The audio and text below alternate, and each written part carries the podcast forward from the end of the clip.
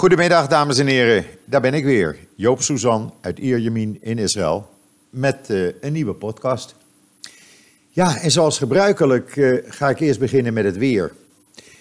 Het is nog niet echt het weer dat je zegt van nou, het voorjaar is er. Nee, dan moeten we nog even geduld hebben tot na woensdag.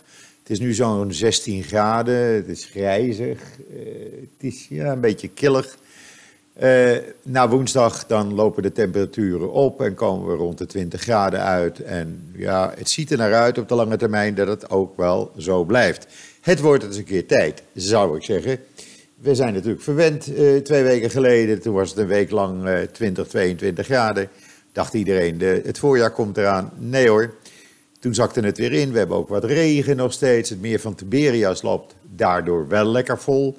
Want ja, er moet nog een kleine meter bij. Dan is het gewoon helemaal vol. Dus binnenkort zullen de dammen opengezet worden en zal het water uh, de rivier de Jordaan instromen richting Jordanië en de Dode Zee natuurlijk. Ja, en dan zult u vragen, wat heb je nou het weekend allemaal gedaan? Nou ja, zoals gebruikelijk. Huis een beetje schoongemaakt, boodschappen gedaan. En vrijdagavond bij een van de kinderen gegeten. En gisteren een beetje rustig aangedaan. Maar er was ook weer een kinderfeestje waar Joop naartoe moest. Want die wordt toch gezien als opa van de kinderen van mijn overleden geliefde. En eh, daar ben ik dus geweest in Tel Aviv.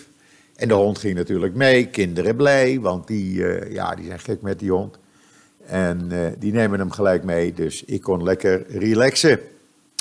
Dus het was een, uh, ja, was een rustig weekend. Uh, wat niet rustig is, is de paniek in Israël over het coronavirus. Als u joods.nl volgt, dan kunt u er alles over lezen. We houden u daar uh, gewoon op de hoogte. Elke keer als er nieuws is, wordt het op joods.nl gepubliceerd. Want wat is er gebeurd? Nou, u weet inmiddels dat die groep van elf Israëli's van de Black Princess uh, cruiseschip uit Japan terug is gekeerd. Daar bleek achteraf toch eentje uh, het virus, het coronavirus, onder de leden te hebben. De hele groep zit afgezonderd in quarantaine in het Sheba Medical Center. Maar inmiddels was er ander nieuws. En wat bleek, er was een groep van 77 Zuid-Koreanen, een week lang in Israël, van 8 tot 15 februari. Die hebben rondgetoerd. U kunt het allemaal lezen op joods.nl, inclusief een kaartje met de plaatsen waar ze waren. Uh, dat staat dan weer in het laatste artikel daarover. Um, en die groep die keerde terug naar uh, Zuid-Korea. En na aankomst bleek dat acht, en inmiddels is dat verhoogd naar 18 leden van die groep toeristen het coronavirus onder de leden hebben. Dat betekent dat er, uh, ja, er, brak een beetje paniek uit hier in Israël, want ze zijn met honderden mensen in aanraking gekomen en er zijn dus nu uh, in ieder geval zo'n 200 mensen verplicht in quarantaine gegaan. Uh, of gestuurd eigenlijk, in opdracht van het ministerie van Volksgezondheid. daar zitten scholieren bij, daar zitten politieagenten bij, militairen, want ze zijn ook in het, bij het graf van de patriarchen geweest. De tomb of de patriarchs bij Gevron. Uh, hotelpersoneel, nou ja, het is uh, paniek alom. En uh, men is bang dat daardoor meer Israëli's mogelijk besmet zijn geraakt. Dat zal moeten blijken, want het kwam er ook uit nu, uh, althans dat heeft men ontdekt, dat die besmettingstijd waarvan men uitging, het is, dat is 14 dagen. Dat kan wel eens vier weken zijn voordat je uh, blijkt het coronavirus onder de leden te hebben. Dus dat wordt nog wel een hele toestand. Uh, we zien ook dat in Italië paniek is natuurlijk. Israël staat er niet alleen in. Maar Israël is een klein land met een hele dichte bevolkingseenheid, zeg maar. Tel Aviv, Jeruzalem. ja, het kan maar zo zich verspreiden natuurlijk uh, overal over het land. En daar is men bang voor. Dus vandaar dat men allerlei strikte maatregelen heeft genomen. En een van die maatregelen bleek gisteravond al. Want er landde een toestel met bijna 200 Zuid-Koreanen en buitenlanders uit Seoul in Israël. Daar zat ook een groep van 133 uh, uh, Koreaanse toeristen bij. Nou, de enige die mochten uitstappen, dat waren twaalf Israëlische ingezetenen. Die zijn meteen getest en in quarantaine thuis geplaatst. Uh, en het vliegtuig is uh, gedwongen rechtsomkeer te maken, is bijgetankt, bevoorraad. En mensen mochten er niet uit en moesten meteen terug het vliegtuig naar Zuid-Korea. Men neemt geen enkel risico. Inmiddels is daardoor uh, ja, een beetje irritatie ontstaan bij Zuid-Korea. De regering heeft geprotesteerd. Je kan niet zomaar iedereen terugzenden. Uh, Japan heeft ook inmiddels geprotesteerd, want die zegt: ja, uh, waarom mogen er geen Japanse ingezetenen meer Israël in? Ja, men is daar heel strikt in. Ik weet niet of dat nou de juiste maatregel is. Ik, misschien wel. Ik weet het niet, ik ben geen specialist daarin. Maar het toont wel even aan wat er aan de hand is dat geeft ook weer problemen voor 1600 Israëli's die in Korea uh, op dit moment zijn. Uh, hoe moeten die terug? En hoe moeten de Zuid-Koreaanse toeristen terug die nog hier rondlopen? El Al, uh, ja, die, die gaat in opdracht van de regering waarschijnlijk een vlucht uit te voeren richting Seoul. Alhoewel El Al daar niet op vliegt. Maar ja, men zal toch een oplossing moeten vinden, want je kan niet zomaar iedereen uh, in het land laten zitten of in een ander land laten zitten zonder dat men naar huis kan. Dat wordt een beetje een gekke situatie natuurlijk. Dus het geeft alleen maar problemen. Daarnaast, El is ook in de financiële problemen gekomen. De regering gaat het waarschijnlijk uh, ja, wat geld geven. Want er worden enorm veel boekingen geannuleerd. El Al heeft nu de policy uh, geopend dat je kan annuleren, ook al is het naar Europa toe, zonder kosten. Maar ja, daar wordt niemand blij van natuurlijk. Het zal ook een invloed hebben op het toerisme naar Israël. Het heeft al een uh, invloed op het toerisme uit Israël. Israëli's die masse gecanceld hebben hun trips met Pesach, wat 8 april begint. Uh, waarin veel Israëli's die week altijd naar Europa, Amerika, Azië gaan. Velen hebben hun trips naar Azië en Europa gecanceld. En uh, hebben geboekt in Eilat bijvoorbeeld. Maar ja, als hier het coronavirus, inderdaad uitbreekt, dan zal dat zijn invloed hebben op de hele economie en niet alleen de toeristeneconomie. Ook bijvoorbeeld Israëlische bedrijven die in Zuid-Korea en in China uh, hun waren laten produceren. Ja, dat wordt niet afgeleverd, onderdelen mis men. Uh, en dat zal een wereldwijd probleem zijn. Ik denk niet dat het alleen tot Israël beperkt blijft, dat wordt een wereldwijd probleem. En daar zijn we voorlopig nog niet vanaf. Uh, er worden ook al, uh, zie ik in het nieuws, en dat zal u ongetwijfeld ook gezien hebben, dat men erover denkt om de Olympische Spelen misschien te cancelen. Ja, ik weet niet welke kant het uitgaat, maar we zullen het uh, blijven volgen. Dan uh, iets anders. Het blijkt dat dat onderzoek wat is aangekondigd naar een voormalig en inmiddels failliet bedrijf, waar Benny Gans, de oppositieleider, directeur van was, dat dat politiek gekleurd is. En waarom politiek gekleurd? Nou, het is zo dat er al, is al ooit een jaar geleden een onderzoek naar gedaan. Dat is toen gesloten. En nu blijkt dat de tijdelijke uh, openbare aanklager, die door de minister van Justitie, een prominent Likud-lid, die ook tijdelijk is, benoemd is. Uh, deze man is ook een prominent Likud-lid. En die is er dus meegekomen om dat onderzoek naar het bedrijf van Gans opnieuw te openen. Wat er gebeurd is, is heel simpel. Er werd door de politie een offerte gevraagd. De politie heeft geen uh, uh, tender uitgeschreven. En ja, dat mag nou eenmaal niet. Uh, men heeft een offerte gedaan. Offerte werd gedaan door oud-politiemedewerkers. Die werkten in dat bedrijf van Gans, wat niet zijn eigendom was. Want het was eigendom van een vriendje van meneer Poetin. en die ja, dat is, onregelmatig, dat mag niet. Nou, dat onderzoek heeft toen de tijd niks opgeleverd. En nu net een week voor de verkiezingen zegt Likud, haha, uh, Netanyahu moet 17 maart voor de rechter verschijnen. Wij gaan Gans even aanpakken en we gaan uh, proberen dat onderzoek weer te openen met alle toestanden van dien. Nou is dat nieuws daarover een beetje ondergesneeuwd uh, door het coronavirus paniek. Dus ja, hoe dat gaat, we zullen het zien. En dan hebben we het ook uh, weer een hele nieuwe mooie column van onze columnist, onze vaste columnist Rob Fransman. Leven het salafisme. En dat gaat over het onderzoek van een Tweede Kamercommissie naar uh, betalingen uit het buitenland voor salafistische scholen en uh, moskeeën in Nederland. Ik, ik, vond hem weer bijzonder scherp. En dan is er een Frans-Marokkaanse professor die heeft gezegd: laten we nou eens stoppen met Israël alleen maar te roepen: Israël moet van de kaart geveegd worden en Israël moet dit en Israël moet dat. Wij moeten als Arabieren gewoon zeggen: Israël moet worden behandeld als een bestaande staat. Het land is daar, het doet goede dingen en uh, laten we de staat Israël eerbiedigen. Nou, dat is natuurlijk wel iets. Uh, hij zegt ook: uh, er zijn goede, van oudsher altijd goede niet-diplomatieke banden tussen Israël en Marokko. En dat is ook zo. Israëli's kunnen vrijelijk Marokko bezoeken. En Marokkanen kunnen rustig op bezoek in Israël. Kijk die video maar even en dan ziet u wat er altijd in het nieuws staat.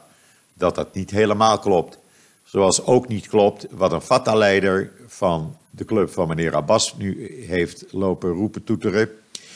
Dat uh, terroristen zijn de kroon en de eer van Palestijnen. Ja, op die manier uh, bereik je natuurlijk niet uh, een, een, een, punt waarop je gaat zeggen van we gaan vrede maken, we zorgen dat iedereen het goed heeft, Palestijnen en Israëli's en de mensen in Gaza. Nee, dat willen deze Palestijnse leiders niet. Die willen alleen maar rottigheid, die willen alleen maar opjutten tot moord op Israëli's. Ja, en als je op die manier aan de gang blijft, dan zal het nooit uh, wat worden. En daarom roep ik al tijdenlang dat je gewoon moet zorgen dat daar bij die Palestijnse leiding, dat die oude garde gewoon verdwijnt. En dat je daar een nieuwe jonge garde krijgt die uh, de touwtjes in handen gaat nemen. En er zijn genoeg jonge mensen die uh, dat kunnen, jongeren, laat ik het zo zeggen. Uh, als u kijkt op joods.nl in de, een van de artikelen een aantal dagen geleden, of een week geleden was dat, waarin wordt beschreven hoe jonge Palestijnen in Herzliya en Tel Aviv in Israëlische high-tech bedrijven werken. Die komen elke dag uit de Palestijnse gebieden, verdienen een goed salaris. En na een aantal jaren, als ze daar rijp voor zijn, gaan ze hun eigen start-up beginnen in de Palestijnse gebieden. Met hulp van die Israëlische high-tech bedrijven, die daar ook weer baat bij hebben, want er komt, men komt 15.000 mensen tekort. En men heeft alleen maar baat bij Palestijnen die geïnteresseerd zijn om te werken in de high-tech, waardoor werk uit, uh, kan worden outgesourced naar de Palestijnse gebieden, naar de Palestijnse bedrijven. En dat gebeurt al op steeds grotere schaal. Uh, en die deze jonge mensen zullen nooit een terrorist worden, want die hebben alleen maar te verliezen. Die verdienen een goed salaris, net zoveel als hun Israëlische collega's. Ze zijn niet minder. En dat gaat uitstekend. En ik zie ook bij mij in de mol steeds meer Arabische werknemers in winkels met hoofddoekje.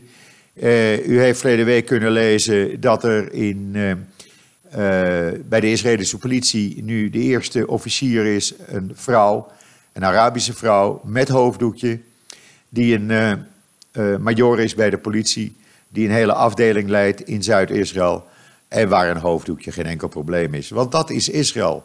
En er wordt niet neerwaardig, uh, neerwaardig gekeken naar mensen met een hoofddoekje. Dus als je dit soort Palestijnse leiders nu kan laten verdwijnen.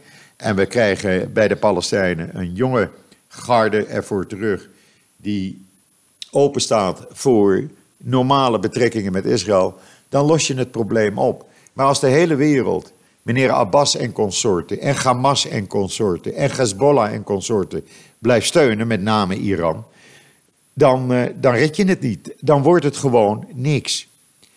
En dat het allemaal kan, dat bewijst ook een artikel wat uh, nu op JoodsNL staat. Over, of eh, misschien komt het er morgen op, ik weet het niet, maar in ieder geval, er komt een artikel op. Ik heb er, we hebben er zoveel gemaakt. Uh, over het Israëlische nationale wielrenteam. Wat deelneemt aan de ronde van de Golfstaten. Ja, u hoort het goed. Inkleding met de Israëlische symbolen erop. Het heet het Israëlische wielrenteam, het nationale wielrenteam, onder de naam Startup Nation. En die rijdt dus de ronde van de Golfstaten. Uh, van Dubai naar Abu Dhabi. Nou, dat betekent dat dat kan. Het betekent dat uh, er openheid is, vooral in de Golfstaten, maar ook Saudi-Arabië en andere landen, richting Israël, dat men Israël accepteert als een normaal land in het Midden-Oosten. En uh, men bereid is normale banden, ook sportbanden, mee aan te gaan. En dat is een belangrijke ontwikkeling. Want juist door sport, ze zeggen wel eens sport verbroedert, maar het gaat in dit geval dus echt op dat dus Israëlische sportlieden daar aan meedoen. Ditzelfde wielrenteam trouwens kunt u ook in de ronde van Frankrijk, de Tour de France en de Giro d'Italia eh, bewonderen. Want daar gaan ze ook aan meedoen. En eh, ja, hopelijk winnen ze ook nog wel eens wat. Dat is allemaal mogelijk gemaakt door meneer Sylvain Adams, een biljonair die ook verleden jaar de Giro d'Italia eh, naar Israël heeft weten te halen. U weet, toen was het eh, startpunt in Jeruzalem. Uh, die ook achter het organiseren van het Eurovisie Songfestival zat. Uh, wat een groot succes was. Dus die openheid die is er en die zal ook wel blijven en die zal alleen maar groter worden. En daar mag iedereen heel blij om zijn. Waar we ook blij mee zijn, althans ik vind het wel leuk. Er is een wijnmaker uit een van de settlements, Psakot wijnen. En die, uh,